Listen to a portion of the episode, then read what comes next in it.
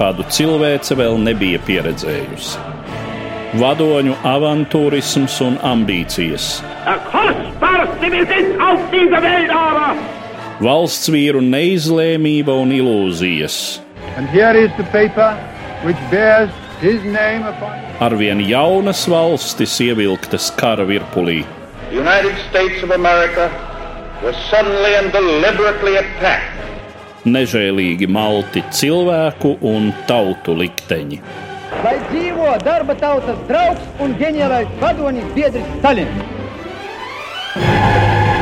Otrais pasaules karš sarunās ar Eduardu Liniņu raidījumu ciklā Satumsums. Labdien, cienījamie klausītāji! Šodien mēs atgriežamies 75 gadus senā pagātnē, pie notikuma 1939. gada 22. septembrī, proti kopīgās sarkanās armijas un Wehrmachta parādes Brestā. Mans sarunbiedrs studijā vēsturnieks Inesis Feldmanis. Labdien! Dien. Šī parāde, kas tiek piesaukta joprojām kā tāds spilgtākais apliecinājums tam, kā abi totalitārie režīmi, staļiniskais un hitleriskais, sadarbojās iznīcinot toreiz 39. gada rudenī Polijas valsti, un ir, protams, nepatīkams fakts, sevišķi jau joprojām mūsdienu Krievijas tai oficiozās vēstures daļai, kura cenšas uzsvērt Padomju Savienības pozitīvo lomu Otrajā pasaules karā, un kurai, protams, viss, kas saistās ar Molotovu-Ribbentropa paktu un um, Otrā pasaules kara sākumu, ir visai slidens temats. Vispirms par notikumiem, kas bija pirms šīs parādes. 1939. gada 17. septembrī sarkanā armija iebrūka Polijā no austrumiem. Pēc nedaudz vairāk kā divu nedēļu ilgā Vācijas uzbrukuma, kas ir sagrāvis lielā mērā Polijas armiju. Varšava tobrīd jau ir ielēgta, bet Polijas austrumu daļa vēl atrodas tobrīd poļu rokās, un tur iebrūk pēkšņi sarkanā armija. Cik negaidīts pasaulē bija šis notikuma pavērsiens? Jūsu jautājums jau tāds ļoti globāls. Viennozīmīgi atbildēt uz to jautājumu ir visai grūti.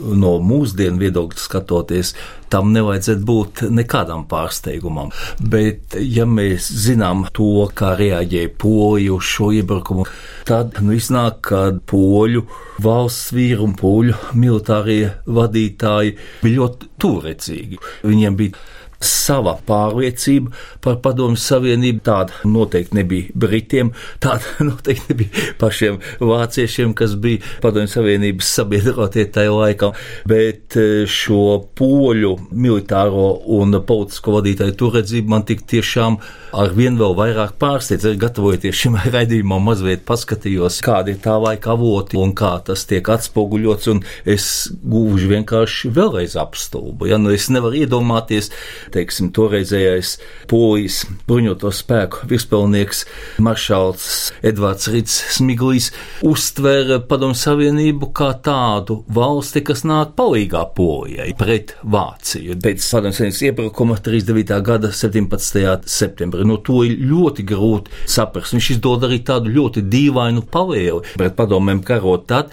ja padomu bruņoties spēki sāk atbruņot poļu armijas daļas, ja viņi traucē šim poļu armijas daļām aiziet uz Rumāniju vai Ungāriju vai arī Lietuvu. Nu, es nezinu, vai šāda tik turedzīga lieta nenoveda arī pie tā, ka polija zaudēja varbūt daudz vairāk karavīru nekā tas bija nepieciešams, un katrā ziņā šis politiskais motīvs kā jūs jau ļoti pareizi atzīmējāt pašā sākumā, šo motīvu izmanto līdz mūsdienām. Padomu Savienība savā labā izmantoja, un tagad arī Krievija izmanto savā labā. Un šeit jau arī daudz ir tādi fakti, kurus, ja nezinu kādus desmit sīkākus faktus, nu nemaz nav tik viegli atspēkot. Un, protams, vēsturniekam tur nekādu problēmu nav. Bet Es domāju, ka šādā aspektā Tas vēl tikai parāda, ka Maskavas politiķi jau toreiz bija ļoti viltīgi. Vācieši jau vispār par viltību nedomāja. Viņi jau domāja, ka uzvarētais netiesā un neviens īpaši nesatraucās, ja kāda nelabvēlīga informācija nopūta, jebkas. Viņiem tas neinteresē, absolūti neinteresē.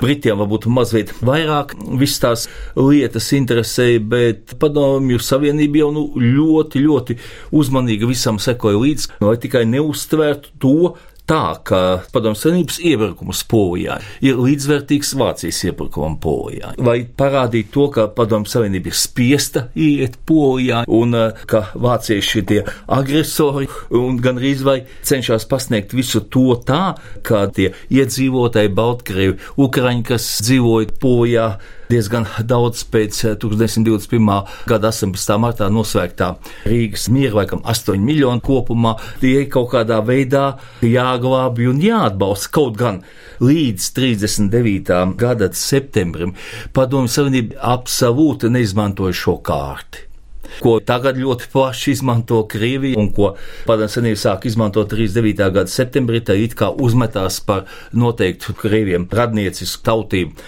aizstāvi, tad līdz 39. gada septembrim nekas tāds pat eh, Maskvai prātā nenāca. Un eh, arī tādu faktiņu var minēt, ka 39.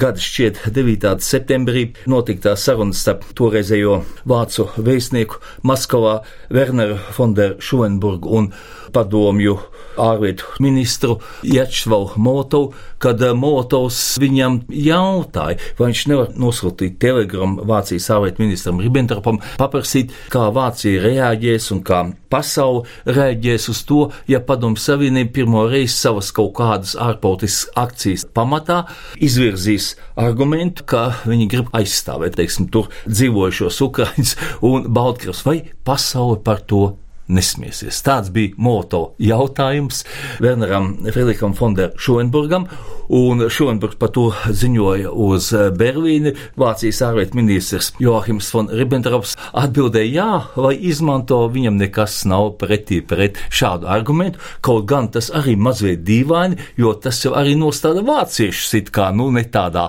labā skatījumā visas pasaules acīs, bet vācieši pret to neiebildu, nesaka, vācieši nemēģināja kaut kādas viltības taisīt. Viņi domāja, ka uzvarētājiem pieder pasaule.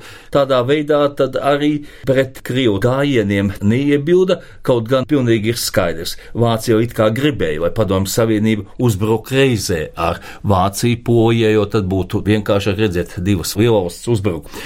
Bet Padomju Savienības politika, tā stratēģija tāda, vai nekādā veidā pasaules sabiedriskā doma nemēģinātu šo padomju akciju pret Poliju saistīt ar Vāciju akcijas akcija. Nu, mēs zinām, ka no šodienas vēsturnieku viedokļa tur absolūti nav nekādas atšķirības. Man liekas, visi rietumu autori pārstāvēto viedokļu spektrs tur ir ļoti liels, bet visi rietumu autori gandrīz viennozīmīgi uztver tās akcijas kā vienādi agresīvas. Kā Vācijas uzbrukuma Polijā 39. gada 1. septembrī, tā arī Padomu Savienības iebrukuma Polijā 39. gada 17. bet Krievu vēsturnieki, protams, tur ir kā 5-6 viedokļi, kā viņi tur mēģina lavierēt un to visu izskaidrot. Protams, arī Krievu vēstnieku vidū ir tādi, kas viennozīmīgi atzīst, ka tā ir agresija, ka te ir jāliek vienlīdzības zīme starp Padomju Savienības akciju pret Poliju un Vācijas akciju pret Poliju. Bet, protams, tagad, kad jau viss atkal iet Maskavas Kremļa režijā uz to, lai visus tos notikumus, kas saistās ar 39. gada augustu, septembri, interpretēt tā, kā to darīja Staļina laikā, tad jau tagad atkal Krievu autoru vidū ar vien vairāk parādās tādi, kas gudrojas, nezinu, ko viņi tur mēģina izgudrot, vai tikai parādīt to, ka tā akcija kaut kādā mērā atšķirās no Vācijas akcijas. Un šajā sakarā es vēl gribētu tomēr pasvarīt vairākus momentus. Mēs ļoti labi zinām, ka šī abu lielvalstu agresija pret Poliju saistās ar Molotovu-Ribbentropu paktu, un mēs ļoti labi arī zinām to, ka tieši Padomju Savienība bija iniciatori tam visam, kas bija virzīts uz to, lai šī kara rezultātā Polija nepaliktu kā neatkarīga valsts. Nevis Vācija, bet padomju savienība tas ir neskaitāmos dokumentos apstiprināts. Pieminēšu šeit radioklausītājiem to faktu, ka slēdzot 1939. gada 27. augustā no rīta Mauto-Ribbentrop paktu, pirmais paragrāfs bija tā formulēts, ka Padomu Savienība un Vācija sadala interešu sfēras. Polijā un šī interešu sfēru robeža norobežo trīs upes - Visla, Nareva Sana, kur gan pēc piecām dienām tika mainīts, un pielika vēl ceturto upi klāt, Nareva Visla Sana Pisa, jo nebija no sākuma tā īsti labi formulēts, un nākošais teikums ir, vai Polija būs jāsaglabā kā neatkarīgu valsti, par to abas lielvaras vienosies turpmākajās politiskās sarunās. Un turpmākās politiskās sarunās šis jautājums tiešām tiek izvirzīts mazliet vēl pēc mūsu tā apstāmā notikuma, pēc 39. gada 22. septembra, pēc šīs kopējās militārās parādes, un tad pēc trīs dienām, 1939. gada 25. septembrī, Staļinam bija saruna ar Vācijas vēstnieku Werneru Frederiku Fonderu Šovenburgu, un Šovenburgs ziņoja uz Berlīnu par šīs sarunas rezultātiem, un šeit bija akcentēta viena doma, ka Padomu Savienība iestājas par to, ka nav ieteicams saglabāt Poliju kā neatkarīgu valsti. Vienlaikus, un tas arī ļoti interesanti ir mūsu klausītājiem, vienlaikus Staļins pateica, ka viņš viņš tūlīt ķersies pie Baltijas problēmas risināšanas Molotov-Ribbentrop pakta garā. Sāks īstenot arī Baltijā savas tiesības. Attiecībā uz Baltiju mazliet tā situācija bija savādāk, viņa tika mazliet piebramzēta un atlikta, bet par Polijas valsts iznīcināšanu Vācija piekrita, un tas risinājums bija 1939. gada 28. septembrī, kad Padomju Savienība un Vācija noslēdza līgumu par draudzību un robežu, kura sadalīja Poliju starp Padomju Savienību un Vāciju. Padomju Savienība dabūja lielāko daļu, 51,4%, Vācija mazāko daļu, bet Vācija tikai no tās savas mazākās daļas pusi no tā uzskatīja par savām savām teritorijām, par tādām, kas ir iekļaujama Vācijas sastāvā, tā saucamais Vartas novads un arī Hābdancigu. Bet pārējo polijas teritoriju viņi nevēlējās iekļaut Reika teritorijā un vēlējās tur izveidot tādu teritoriju, kurā ir noteikts okupācijas režīms. Mēs viņu pazīstam kā polijas ģenerāla gubernatūra. Tā kā šeit tie risinājumi bija dažādi, bet es gribētu pasvītrot, ka Padomju Savienība Staļins ir visu šo risinājumu toreiz inets investors. Tas ir neapšaubāmi. Teikt, kas bija investors mūsu sarunas tēmai 1939. gada 22. septembrī notikušajai parādei, nu, Resetē kā pirmā izvirzās, notika jau, jau kādās trīs, četrās pilsētās, Grodņā, Lovas pilsētā un citur šīs militārās parādes. Runājot par Brestu, kāpēc tas pirmām kārtām saist uzmanību, jo tieši no Brestas ir saglabājušies fotomateriāli, jā, visi, jā. kur ir redzams ģenerālis Heinz Guderjāns Jans, Vācijas spēku komandieris un uh, padomju brigādes komandieris uh, Semjons Krivošēns, abi līdzās uz tāda paaugstinājuma. Tātad parādes notika vairākās pilsētās. Šīs pilsētas sākotnēji ieņēma Vācijas karaspēks, un pēc tam saskaņā ar Molotovu-Ribbentropa paktā paredzēto teritorijas sadalīšanu.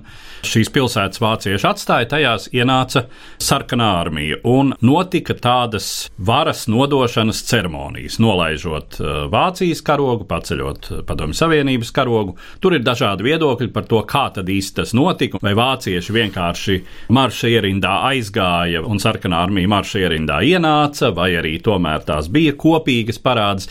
Vācijas ārlietu ministrs Valstīs politiskā arhīvā ir saglabāts ļoti daudz fotografijas, un uh, to neviens nevar apšaubīt un nevar noliegt. Tas jautājums, uz ko ļoti grūti atbildēt, kas tāda investori, tā vēl īsti neesmu pie tāda secinājuma nonācis. Es domāju, ka varbūt tomēr investori vācu pusi, jo man liekas, ka vāciešiem bija ļoti izdevīgi parādīt, ka viņi tomēr kopā ar Padomju Savienību ir poliju sagrauši, un līdz ar to šāda uzvaras parāda parādi ir tāds spilgts apliecinājums tam. Tas arī it kā bija vācieši nepiepildīto cerību apliecinājums, jo te jau tomēr, ja kopīgi militāri parādi, tas nozīmē, ka abi karaspēki ir kopēji cīnījušies un dabiskā polijas teritorijā jau mūsu pētnieki ir atklājuši daudzas vietas, kur kopīgi padomju karaspēks ar vācu karaspēks grāva. Polijas karaspēks tas nav nekāds nosvēpums. Šajā gadījumā likās, ka vāciešiem nu mazliet kremta tas, ka padomju savienība it kā iebilda kad atklāti Vācija un Padomju Savienība tiktu pasvītrotas par tādām valstīm, kuras savstarpēji saista militāri politiska vienošanās, ka tās ir tādas valstis, kas arī kopēji karo, kam ir kopēji mērķi.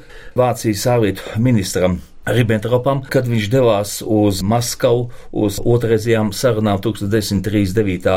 gada 27. septembrī. Tāds nolūks arī bija noslēgt ar Padomu Savienību īstu militāru aliansi.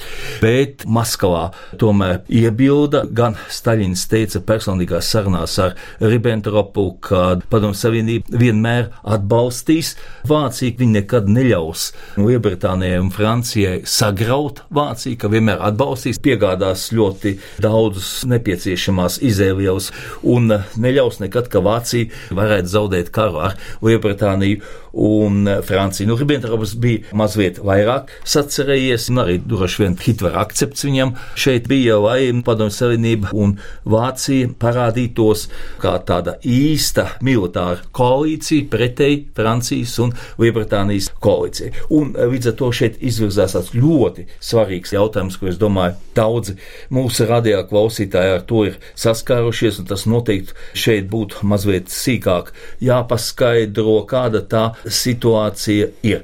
Tas kas starp Padomju Savienību un Vāciju kopš 1939. gada 23. augusta pastāv savienība, par to neviens vēsturnieks nopietns nestrīdās. Bet strīdi notiek par to, kāda tā savienība ir, kā šo savienību raksturot.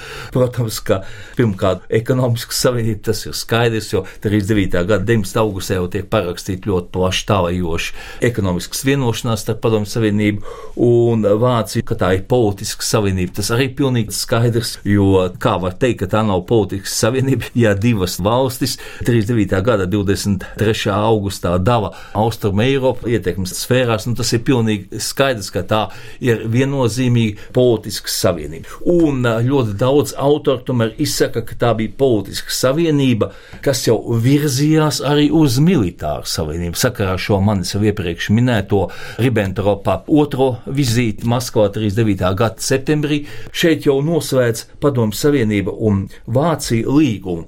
Vācu valodā tas līgums ir pirmkārt par robežu un draudzību. Bet krievu valodā visos dokumentu krājumos tas līgums nosaukts par draudzību un robežu. Tad draudzība ir likta pirmajā vietā. Ja ir slēdz līgumu par draudzību, tad ir pilnīgi skaidrs, ka tā ir politiska savienība starp valstīm, no cik daudz viņi ir tendēta uz militāru savienību. Vairākās vietās pret Poliju, Padomju un Vācu karaspēks cīnījās kopīgi. Šeit ir daudz norādes uz to, kad vēlāk arī Vācija palīdzēja tīri militārā ziņā padomu savienībai cīņā pret Somiju. Ar degvielas piegādēm, vācu zemūdenēm un vispār. Bet izjūt no tā, kā viss tas vēsturē tiek skatīts un vērtēts, es domāju, ka mums pareizāk būtu teikt, ka starp Padomu Savienību un Vāciju tajā laikā pastāv ļoti cieša ekonomiska un politiska savienība ar tendenci pārvērsties arī par militāru. Kāpēc? Redziet, tad, kad Padomu Savienība un Vācija parakstīja līgumu par draudzību un robežu, tad arī tika publicēts, un tas jau visiem ir pieejams un izlasāms, tika publicēts abu valdību komunikē, un šim komunikē tie autori, kas risina šo jautājumu, cik cieša bija koalīcijas ar Padomu Savienību un Vāciju, pievērš šim komunikē īpašu uzmanību. Un kas te ir teikts? Proti, 39. gada septembra beigās Vācija izvirzīja tā saucamos miera priekšlikumus, uz kādiem viņi būtu mieru izbeigt karu, jo mēs jau visi labi zinām, ka 39. gada 3. septembrī Francija un Lielbritānija pieteica karu Vācijai. Uz kādiem noteikumiem varētu šo karu izbeigt. Un te vēstnieki visu laiku pievērš uzmanību vienai tādai frāzei. Ja Lielbritānija, ja Francija noraidīs šo Vācijas priekšlikumu par miera noslēgšanu, tad Vācija un Padomju Savienība kopīgi risinās jautājumu, kā tajā situācijā rīkoties. Un tā ir pilnīgi jau skaidrs, ka šīs valstis apliecina sevi kā politiskos sabiedrotos, apliecina sevi kā tādas valstis, kuras ietilpst tādā politiskā koalīcijā. Nu, mēs jau arī visu laiku tā tēvaini runājam par Adolfu Hitleru un Josifu Staļina sadraudzības 22 mēnešiem, kas turpinās līdz 1941. gada 22. jūnijam visu laiku runājam, ka šajā sadarbības periodā abas lielvalstis rīkojās ļoti saskaņoti. Abām lielvalstīm šajā sadarbības periodā izdevās iznīcināt 12 valstu neatkarību un divām valstīm atņemt ļoti plašas teritorijas. Tā kā es domāju, šaubas šeit nekādas nav un šī savienība ir ļoti cieša.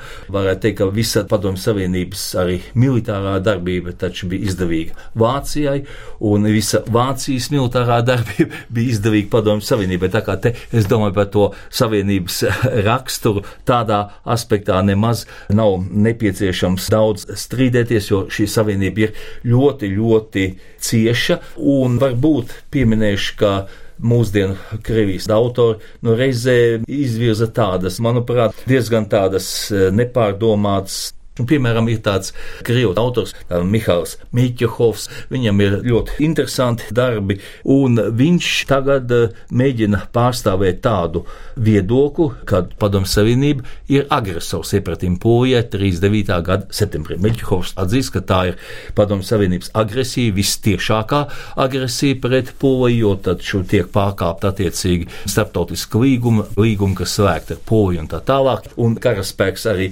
iebrūk. Un viņš tādās niansēs šeit jau dabiski neielaižas, attaisnot to būtu grūti, bet e, viņš arī tajā minētajā darbā it kā mēģina no vienas puses lietot mūsdienīgus terminus. Un viņš šo akciju arī savos darbos nosauc par miera nodrošināšanas operāciju, kas jau ir smieklīgi, bet tajā pašā laikā viņš tomēr negrib atzīt, ka šī akcija ir saistībā ar Nacisko Vāciju, ka tā ir Naciskās Vācijas interesēs un ka tie abas valstis rīkojas ļoti saskaņot. Un viņš gan nav arī tik, eh, kas saka, dumšs kā vairāki citi krievu vēstnieki, kas joprojām uzskata, ka Krievija arī pēc šī 1939. gada 17. septembra saglabā neutralitāti otrajā pasaules karā. Viņš neiet arī tik tālu, kā iet krievu vēstnieki, tā kā Natālija Jebeģeva, kā Sergejs Svučs, kas atzīst, ka 39. gada 17. septembris ir tiešām padomju senības iestāšanās otrā pasaules karā Naciskās Vācijas pusē. Viņš te, jā, tā ir iestāšanās otrā pasaules karā, bet padomju senība esot iestājusies šajā otrā pasaules karā kā neatkarīgs trešais spēks. Protams, ka viņai savas intereses bija, ko viņi gribēja sasniegt, bet taču neviens nevar noveikt, ka iestāšanās objektīvi ir Naciskās Vācijas pusē šajā karā. Tā ir tāda viena niansētāka pozīcija, kādā veidā tad Krievijas vēstnieks šeit cenšas mazināt to padomju savienības noziedzības pakāpi, iesaistīties karā pret Poliju, kaut gan es domāju, ka šeit tas ir absolūti lieki, ka tas nevienu nepārliecina rietumos un arī Baltijas vēsturniekiem lielākajai daļai viss ir ļoti skaidrs. Bet, ja mēs ejam niansēs, protams, mēs varam strīdēties un varam savus argumentus izvirzīt un viņi savus un tā tālāk. Tas mūs noved pie jautājuma, ar kuru mums droši vien arī jānoslēdz mūsu saruna.